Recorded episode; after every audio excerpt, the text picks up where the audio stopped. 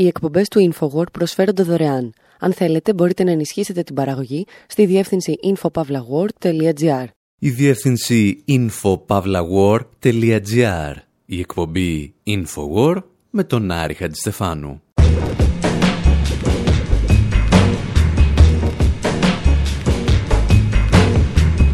Όπου σήμερα άκουμε μερικά τραγουδάκια που γράφτηκαν ίσως για τον σημαντικότερο δικηγόρο του διαβόλου του 20ου και του 21ου αιώνα. Και δεν μιλάμε μεταφορικά.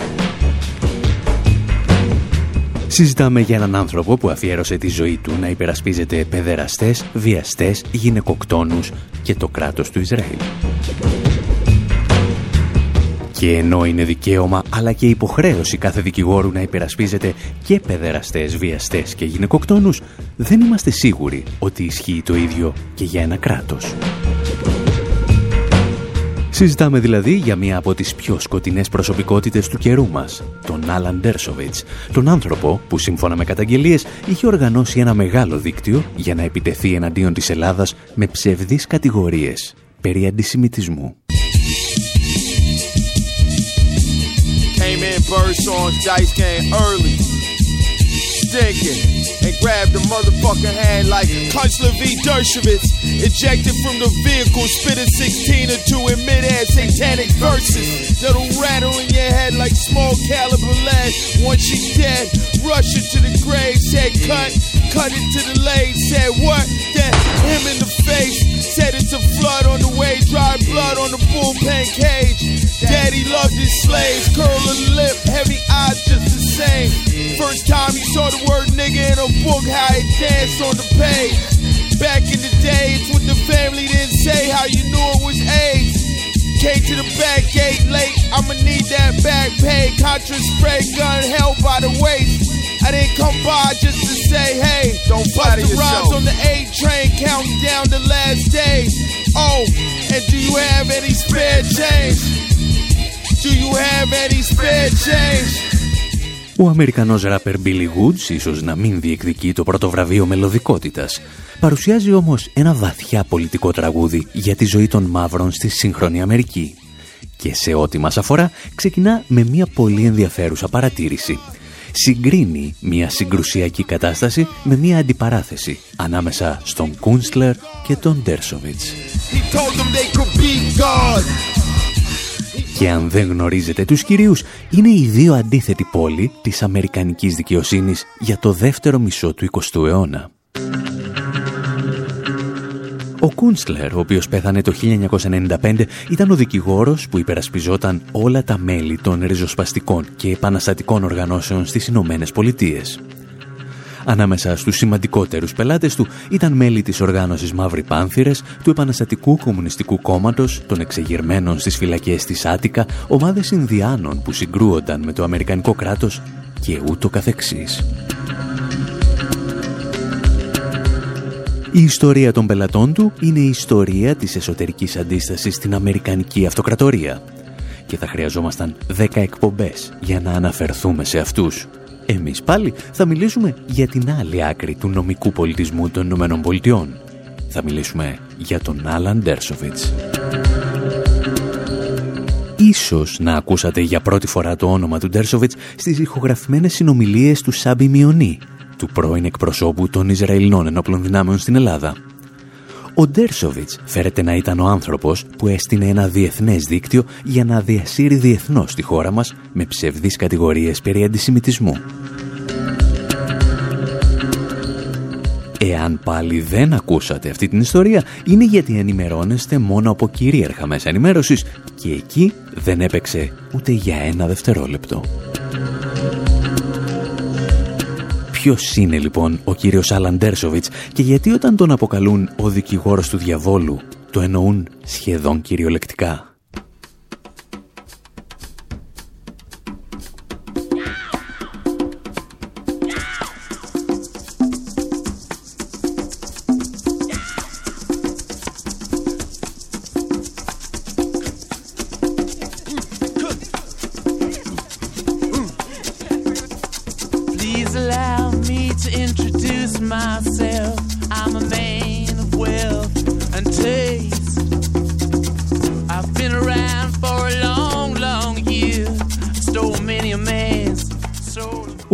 Ο Αλαντέρσοβιτς θεωρείται μια νομική ιδιοφυΐα και πιθανότατα να είναι. Γιατί, όπως μας θύμιζε η σειρά μίνι βιογραφικών του δικτύου Now This News, ήταν ο νεαρότερος καθηγητής νομικής στην ιστορία του Πανεπιστημίου του Χάρβαρντ. In 1959, he was off to Yale Law School. Dershowitz was editor-in-chief of the Yale Law Journal and graduated at the top of Το 1959 πήγε στη νομική σχολή του Yale. Ο Ντέρσοβιτ ήταν αρχισυντάκτης της νομικής εφημερίδας του Yale και αποφύτησε στην κορυφή της τάξης του. Μετά το πανεπιστήμιο δούλεψε ως γραμματέας για δύο προοδευτικούς δικαστές πριν γίνει ο νεότερος μόνιμος καθηγητής νομικής στην ιστορία του Χάρβαρντ στα 28 του χρόνια. Συνταξιοδοτήθηκε από το Χάρβαρντ το 2014, αλλά δεν είναι ξεκάθαρο πόσο ακριβώς χρονικό διάστημα πέρασε εκεί. Περνούσε τον περισσότερο χρόνο σε κάποια δικαστική αίθουσα περασπιζόμενο κατηγορούμενου δολοφόνους και βιαστές.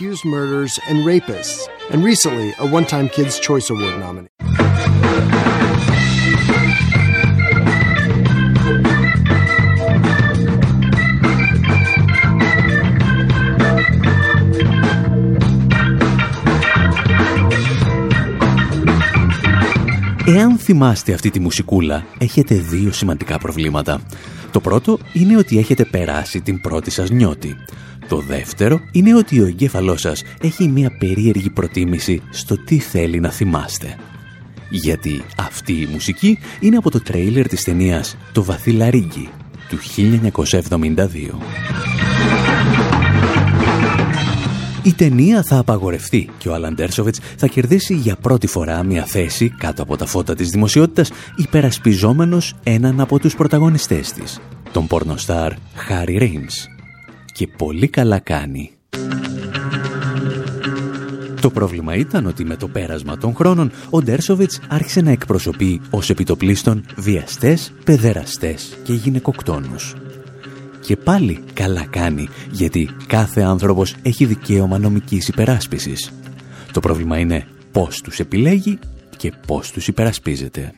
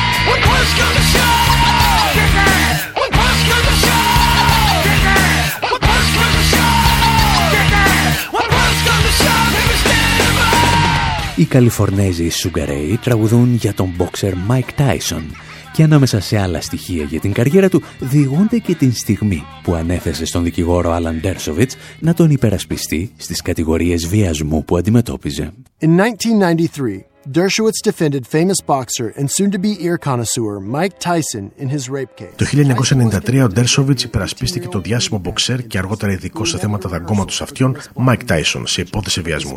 Ο Tyson καταδικάστηκε για τον βιασμό μιας 18χρονη διαγωνιζόμενης σε καλυστία, την οποία γνώρισε σε μια πρόβα για τα καλυστία της Μης Μαύρη Αμερική. Όμως παρά τις προσπάθειες του Ντέρσοβιτς να τον απελευθερώσει, ο Tyson καταδικάστηκε. Αργότερα, πιθανώς στην πιο γνωστή υπόθεση της καριέρας του, ο Ντέρσοβιτς υπηρέτησε ως σύμβουλο στην ομάδα υπεράσπισης του Τζέι Simpson το 1995. Ο Ντέρσοβιτς βοήθησε στην αθώωση του OJ για την κατηγορία της δολοφονίας της πρώην συζύγου του Νικόλ Μπράουν και του φίλου της Ρον Γκόλτμαν.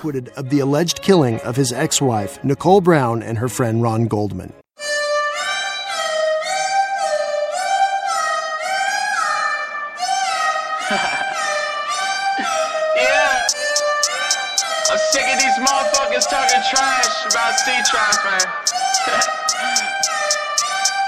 OJ Simpson. Just like that boy Simpson. OJ Simpson. Η υπόθεση ο Τζέι Simpson θεωρείται από αρκετούς νομικούς σαν υπόδειγμα κακοδικίας. Αυτό δεν θα εμποδίσει όμως την καριέρα του Άλαν Ντέρσοβιτς. Αντίθετα, θα την απογειώσει. Και έχει έρθει η σειρά να ανέβει κατηγορία και να διασώζει κατηγορούμενους για παιδεραστία. Χάρη στη βοήθεια του Ντέρσοβιτς, ο Νταβατζής της Αμερικανικής Οικονομικής Ελίτ αφήνεται ελεύθερος για να συνεχίσει το έργο του με ανήλικα κοριτσάκια, τα οποία μετατρέπει σε σκλάβες του σεξ. Και ένα από τα θύματα θα καταγγείλει ότι ο Έπστιν την είχε αναγκάσει να κάνει σεξ τουλάχιστον έξι φορές με τον Άλαν Ντέρσοβιτς. But in 2019, Epstein was arrested and charged with sex trafficking. He died in prison while awaiting trial. It's worth noting, one year Το 2019 ο Έμστιν συνελήφθη για κατηγορίες σεξουαλικής σωματοπορίας. Πέθανε στη φυλακή πριν τη δίκη του. Αξίζει να σημειωθεί πως έναν χρόνο αφότου γνωρίστηκαν, ο Ντέρσοβιτς έγραψε ένα άρθρο γνώμης στους Times του Λος Άντζελες, όπου ισχυρίστηκε πως τα 15 χρόνια ήταν μια λογική ηλικία συνένεσης, ανεξάρτητα από την ηλικία του συντρόφου. Το 2014, ένα από τα θύματα του Έμστιν, η Βιρτζίνια Γκουφρέ, είπε στην κατάθεσή της στο δικαστήριο ότι την προσέφερε για σεξ τον Ντέρσοβιτς. Η Γκουφρέ βρέθηκε για πρώτη φορά στην έπαυλη του Έμστιν στο Palm Beach το 2000 όταν ήταν μόλις 16 ετών. Δικαστικά έγγραφα έδειξαν ότι την εκμεταλλεύονταν σεξουαλικά ενήλικες άντρες, φίλοι του κατηγορούμενου, στους οποίους συμπεριλαμβανόταν και ο Ντέρσοβιτς. Η Γκουφρέ διαβεβαίωσε ότι είχε σεξουαλικές επαφές με τον Ντέρσοβιτς τουλάχιστον 6 φορές.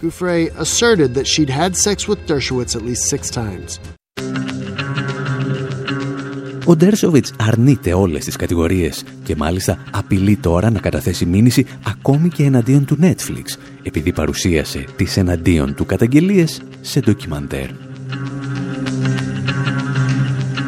Παρ' όλα αυτά, αρκετοί μάρτυρες άρχισαν να αναφέρουν ότι τον έβλεπαν συνεχώς στην έπαυλη κολαστήριο του Epstein. Ναι, απαντά ο Ντέρσοβιτς, αλλά δεν ήξερα τι γινόταν στα διπλανά δωμάτια και κυρίως εγώ φορούσα πάντα το σοβρακάκι μου.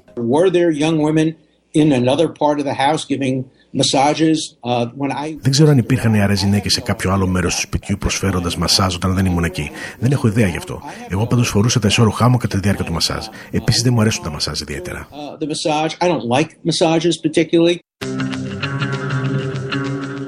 Ο Άλαν Ντέρσοβιτς λοιπόν, ο άνθρωπος που αναλάμβανε να αθώσει τους πιο ιδεχθείς εγκληματίες στο δεύτερο μισό του 20ου αιώνα και στις πρώτες δεκαετίες του 21ου, πέρασε από τη θέση του συνηγόρου στη θέση του κατηγορούμενου. Γεγονός το οποίο είχε και συγκλονιστικές πολιτικές προεκτάσεις. Γιατί, μεταξύ άλλων, ο Ντέρσοβιτς ήταν το πιο προβεβλημένο στέλεχος του Ισραηλινού λόμπι στις Ηνωμένες Πολιτείες Ιστορίες που σηκώνουν τσιγάρο και σίγουρα μια μουσική ανάσα.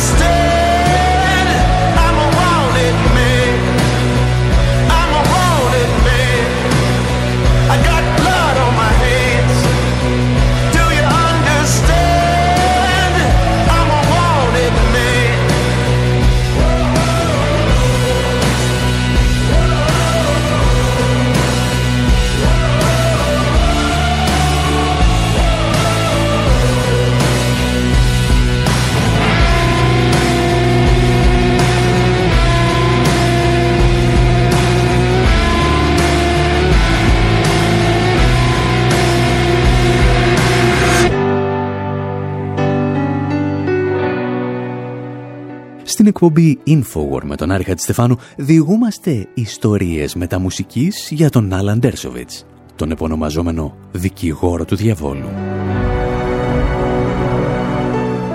Τον είδαμε να υπερασπίζεται παιδεραστές, βιαστές, γυναικοκτόνους, αλλά ακόμη και τον Ντόναλτ Τραμπ και επιμένουμε ότι έχει κάθε δικαίωμα να το κάνει.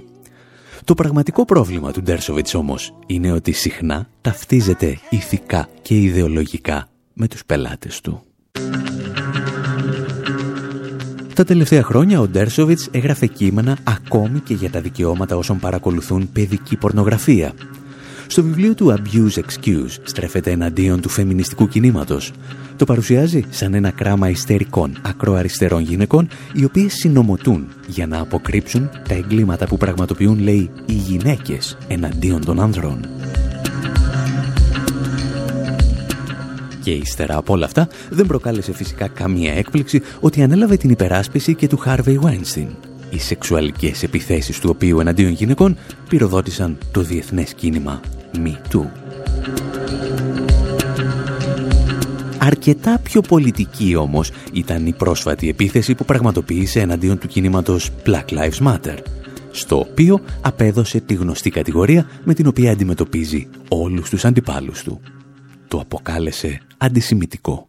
The Black Lives Matter platform makes reference to one country other than the United States. It calls Israel. Η πλατφόρμα του Black Lives Matter αναφέρεται σε μία μόνο χώρα πέρα από τις Ηνωμένες Πολιτείες Αμερικής. Αποκαλεί το Ισραήλ μια χώρα γενοκτονίας και απαρχάιτ. Δεν κάνει αναφορά στις άλλες χώρες ανά τον κόσμο όπου η αυθαιρεσία της αστυνομίας είναι ανεξέλεκτη. Χώρες όπως οι Φιλιππίνες, η Βενεζουέλα, το Ιράν ή την Κίνα. Μόνο το Ισραήλ. Τη μοναδική δημοκρατία στη Μέση Ανατολή και περιέχει αντισημιτικές απόψεις.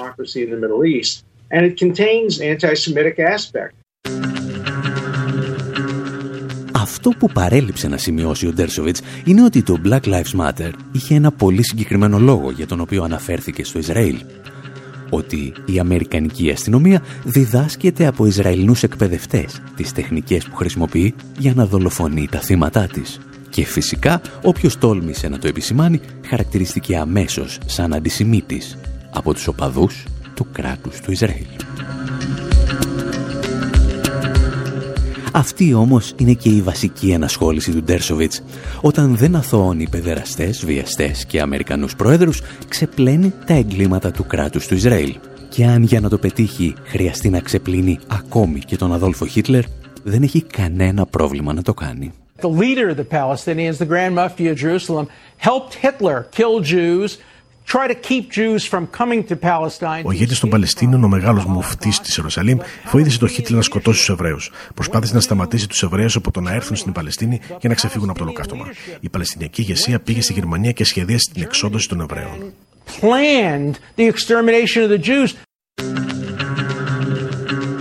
Το συγκεκριμένο επιχείρημα θα το έχετε ακούσει ενδεχομένως και από τον Πρωθυπουργό του Ισραήλ, Μπενιαμίν Νετανιάχου. Για τους φίλους, απλώς Μπίμπι. Ο Νετανιάχου υποστηρίζει ότι ο Χίτλερ δεν θα είχε προχωρήσει στο ολοκαύτωμα των Εβραίων εάν δεν τον είχαν πιέσει οι Παλαιστίνοι. Μια δήλωση η οποία δεν είναι απλώς προκλητικά ψευδής. Σύμφωνα με τον Μωσέ Ζίμερμαν, καθηγητή ιστορίας στο Εβραϊκό Πανεπιστήμιο του Ισραήλ, εντάσσεται στην προσπάθεια άρνησης του ολοκαυτώματος. Και όταν ένας Ισραηλινός καθηγητής ιστορίας χαρακτηρίζει τον πρωθυπουργό της χώρας του αρνητή του ολοκαυτώματος, τα πράγματα δεν πάνε καθόλου καλά για αυτόν και τους συμμάχους του.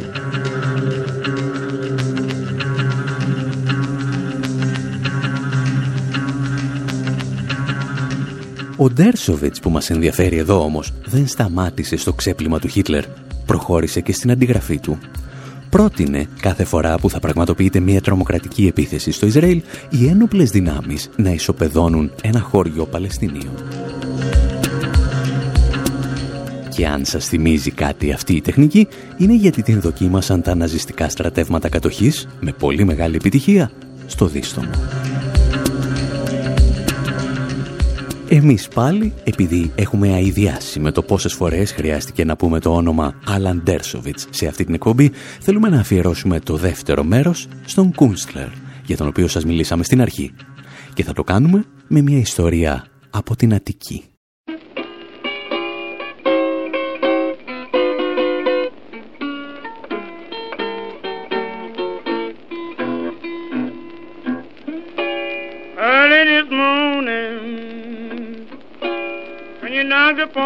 Door.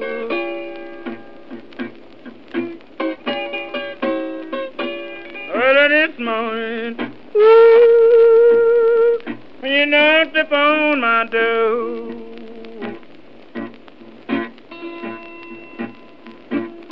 And I said, hello, Satan, I believe it's time to go.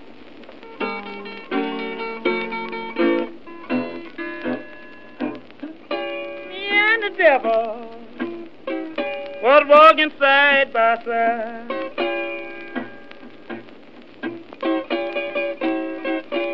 Me and the devil ooh, was walking side by side. Uh?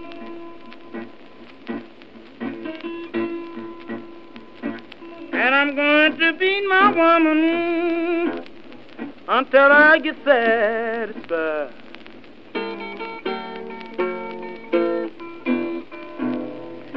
Said you don't see why that you would dog me round. Now, baby, you know you ain't doing me right, don't you?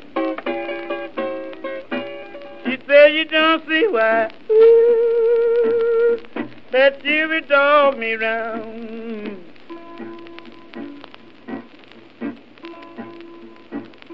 It must be that old evil spirit so deep down in the ground.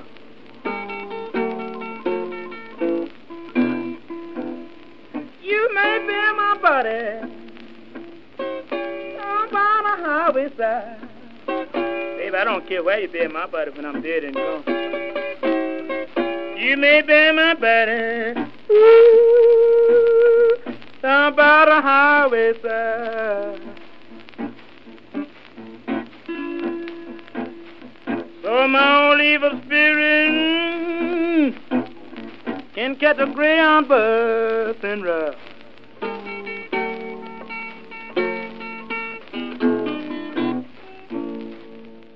Οι εκπομπές του InfoWord προσφέρονται δωρεάν. Αν θέλετε, μπορείτε να ενισχύσετε την παραγωγή στη διεύθυνση infopavlagor.gr.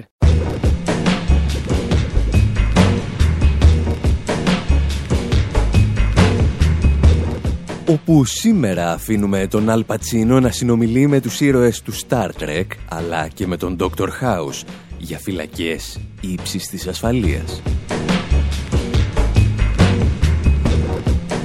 Ακούμε jazz αναλύσεις από τον Charles Mingus για μια εξέγερση στην Αττική της Νέας Υόρκης και παίρνουμε στο τηλέφωνο τον Richard Nixon για μερικές διευκρινήσεις. Η πρώτη ιστορία μας όμως μας φέρνει στην Αττική. Όχι την Αττική της Ελλάδας, αλλά την Αττική της Νέας Υόρκης. Και το ρεπορτάζ έχουν κάτι παιδιά που ίσως να τους θυμάστε με το όνομα Ten Σεσέ.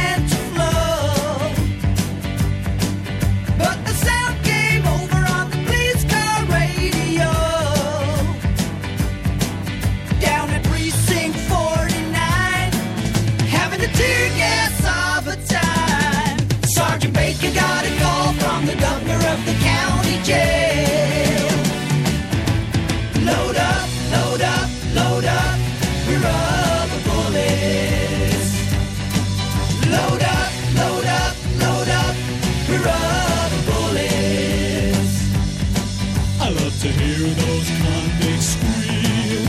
It's a shame these slugs ain't real, But we can't have dancing at the low.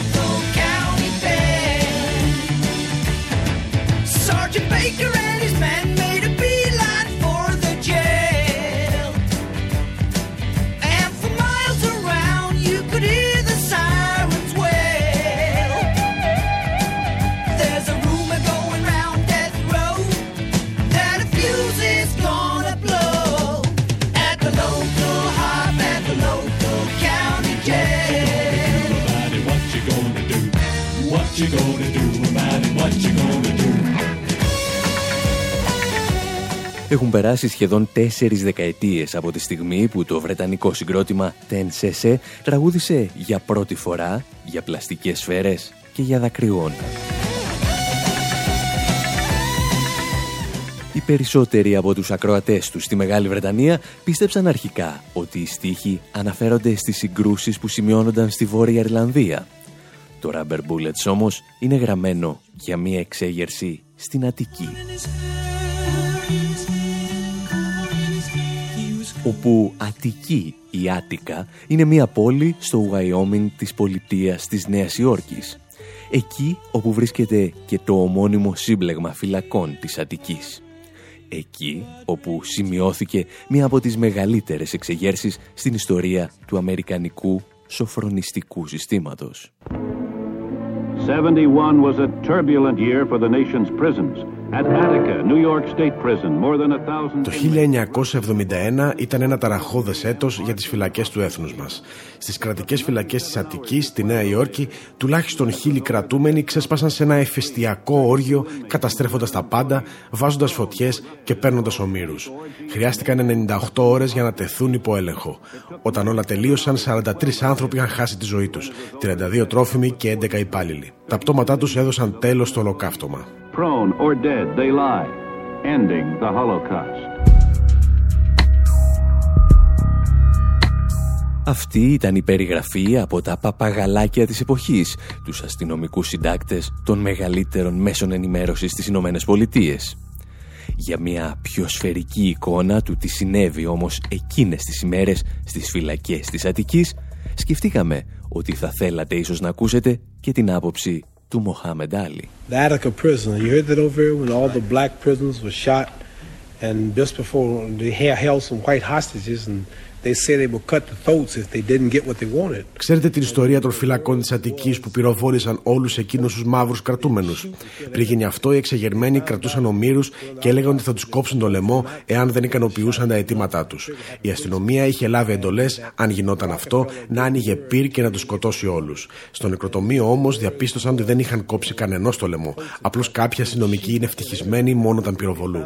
Αυτό που πραγματικά είχε συμβεί είναι ότι η κυβερνήτης Ροκφέλλερ έστειλε σύγγραφος στους κρατούμενους να παραδοθούν διαφορετικά η αστυνομία θα άνοιγε πυρ. Και τότε ένας δεσμοφύλακας πήγε σε ένα μαύρο κρατούμενο και του είπε: Έχεις 10 λεπτά ή θα σε πυροβολήσω. Αυτά που θα ακολουθήσουν δεν συνέβησαν στην πραγματικότητα, αλλά αυτό είναι ένα ποίημα που έγραψα για την απάντηση που θα έδινε ο κρατούμενος.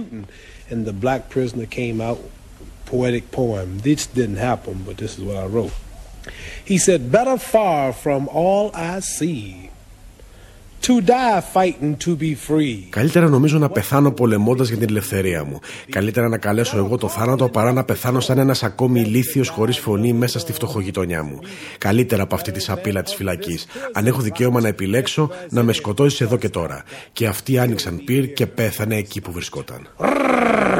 They opened fire on them, but they died telling it like it was.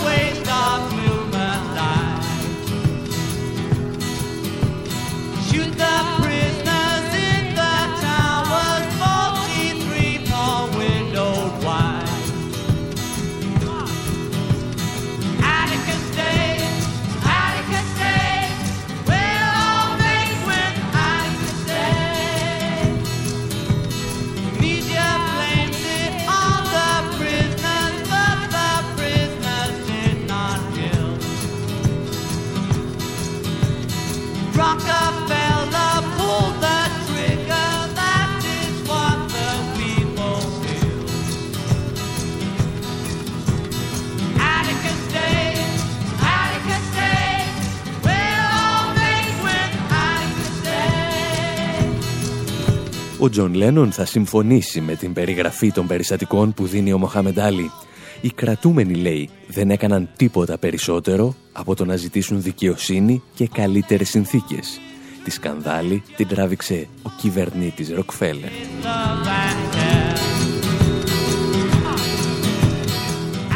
Και κάπου εκεί ο Λένον μπαίνει και στην ουσία της υπόθεσης. Τα περισσότερα από τα θύματα, λέει, ζούσαν στην απομόνωση των φυλακών της Αττικής.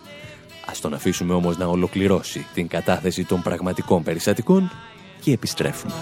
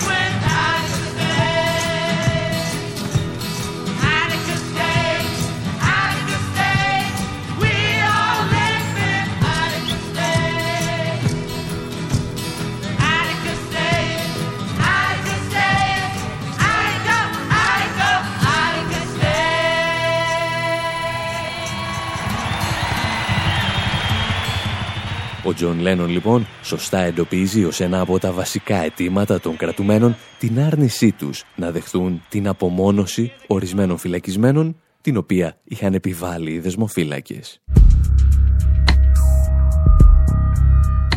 Αυτό όμως που πραγματικά εξόργησε τους δεσμοφύλακες αλλά και τον κυβερνήτη της Νέας Υόρκης ήταν ότι οι κρατούμενοι οργανώθηκαν για να εκφράσουν τα αιτήματά τους ζητούσαν ανθρώπινες συνθήκες κράτησης, καλύτερο φαγητό και τερματισμό της απομόνωσης που επιβάλλονταν ανα πάσα στιγμή. Παρουσίασαν μάλιστα και ένα μανιφέστο με το οποίο στρέφονταν εναντίον του κυβερνήτη της Νέας Υόρκης αλλά και του ανώτατου δικαστηρίου το οποίο όπως έλεγαν διαιωνίζει το καθεστώς δουλείας στις Ηνωμένες Πολιτείες.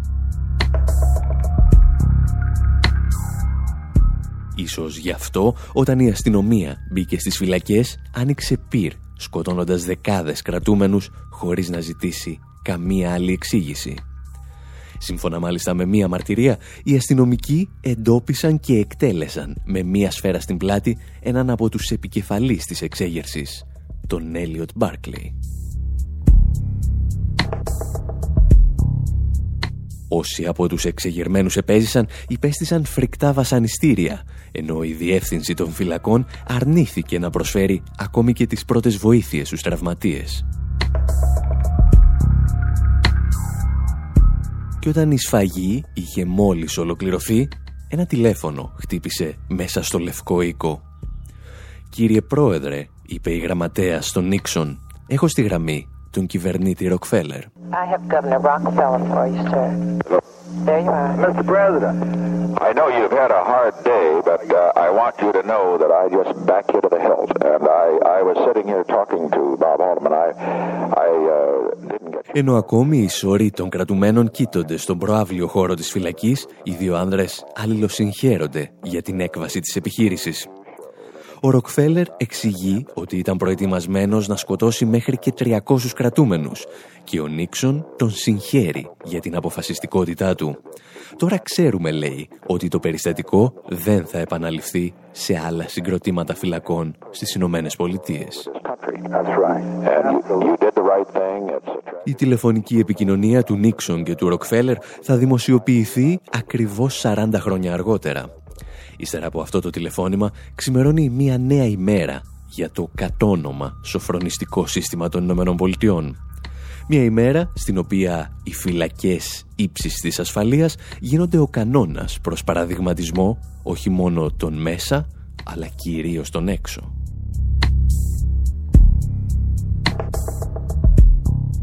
Ιστορίες που θα ακούσουμε σε λίγο αφού αφήσουμε τον Charles Mingus, έναν από τους γίγαντες της αμερικανικής jazz σκηνής, να αποτείει φόρο τιμής στην εξέγερση της Αττικής με το κομμάτι του Remember Rockefeller at Attica.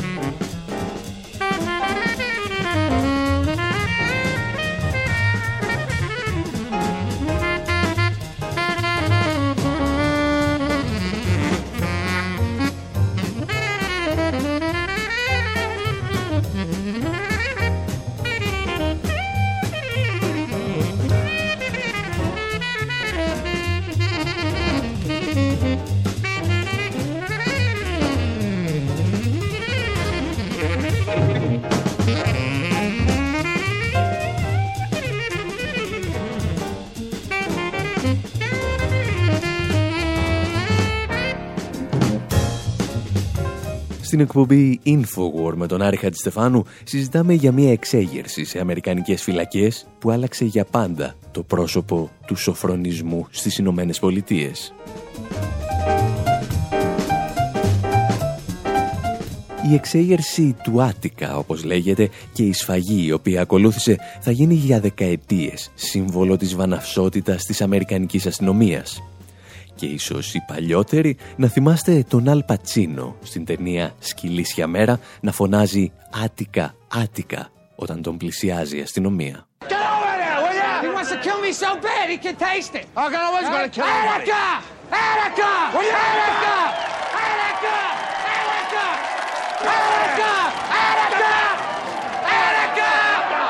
Αναφορές στην εξέγερση των φυλακών της Νέας Υόρκης θα υπάρξουν από τα επεισόδια του Star Trek και τον Dr. House μέχρι και τον Bob το Σφουγγαράκι. Η λέξη Άτικα, όπως είπαμε, γίνεται συνώνυμο της βαρβαρότητας των Αμερικανικών φυλακών για τους από κάτω. Για τους από πάνω όμως γίνεται ένα καμπανάκι καταλαβαίνουν ότι θα πρέπει να συνθλίψουν κάθε κίνημα και κάθε ίχνος ανθρώπινης αξιοπρέπειας που μπορεί να γεννηθεί μέσα σε ένα κελί. Και η απάντηση του συστήματος σε αυτή την πρόκληση είναι η δημιουργία των Αμερικανικών φυλακών ύψης της ασφαλείας.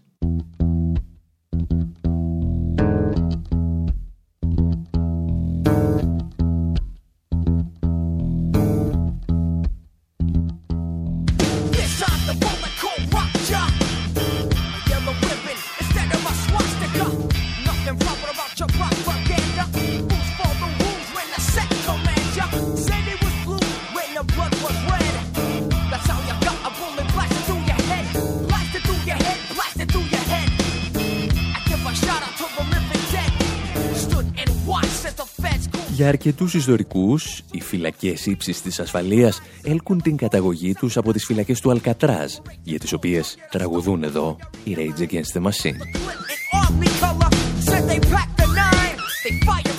Τα σύγχρονα κολαστήρια όμως, όπως τα γνωρίζουμε σήμερα, δημιουργούνται στην Αμερική της δεκαετίας του 80. Οι κρατούμενοι παραμένουν εκεί 23 ώρες στο κελί τους κάθε ημέρα ενώ σε ορισμένες περιπτώσεις δεν υπάρχει καν προάβλιος χώρος. Εκεί όπου θα μπορούσαν να νιώσουν για μία φορά τη βροχή να χτυπά το πρόσωπό τους. Για την ακρίβεια, σήμερα πιστεύετε ότι υπάρχουν τέσσερις προϋποθέσεις για να οριστεί μια πτέρυγα φυλακής ως ύψης της ασφαλείας οι κρατούμενοι να μένουν για μεγάλο χρονικό διάστημα ή ισόβια. Οι φρουροί να έχουν σχεδόν απόλυτη ελευθερία πάνω στους κρατούμενους χωρίς σχεδόν κανέναν εξωτερικό έλεγχο. Οι κρατούμενοι να μην έχουν καμία άλλη ενασχόληση όπως αθλητισμό ή βιβλιοθήκες.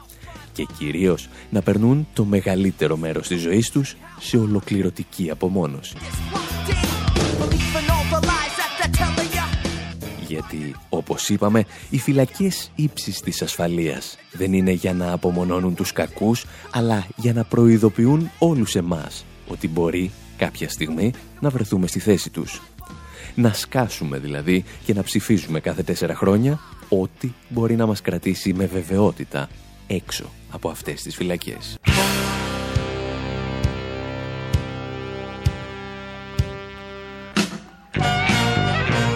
Μέχρι την επόμενη εβδομάδα, από τον Άρη Χατζηστεφάνου στο μικρόφωνο, τον Ανδρέα Κοσιάρη και την Μυρτώ Σιμεωνίδου σε μεταφράσεις και εκφωνήσεις και τον Δημήτρη Σαθόπουλο στην τεχνική επιμέλεια, γεια σας και χαρά σας.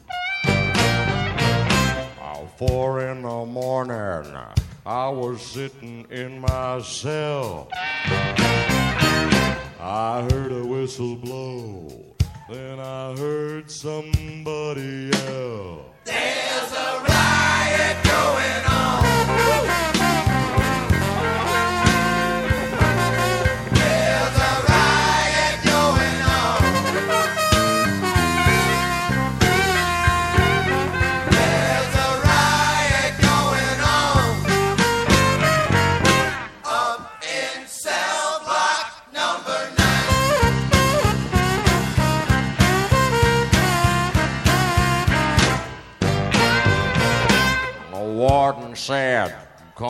with your hands up in the air.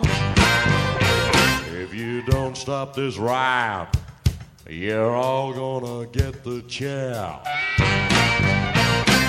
Scarface Jones said it's too late to quit. Pass the dynamite, don't you give me any shit. There's a riot going